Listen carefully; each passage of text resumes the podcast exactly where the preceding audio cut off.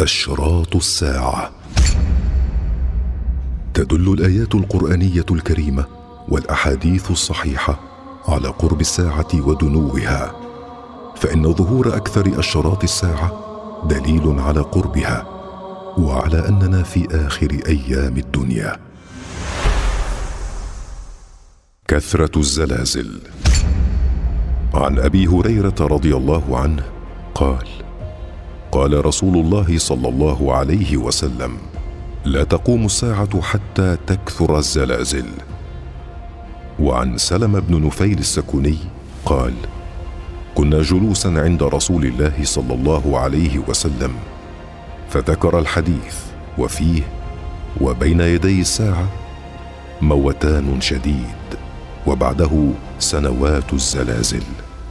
قال ابن حجر قد وقع في كثير من البلاد الشمالية والشرقية والغربية كثير من الزلازل.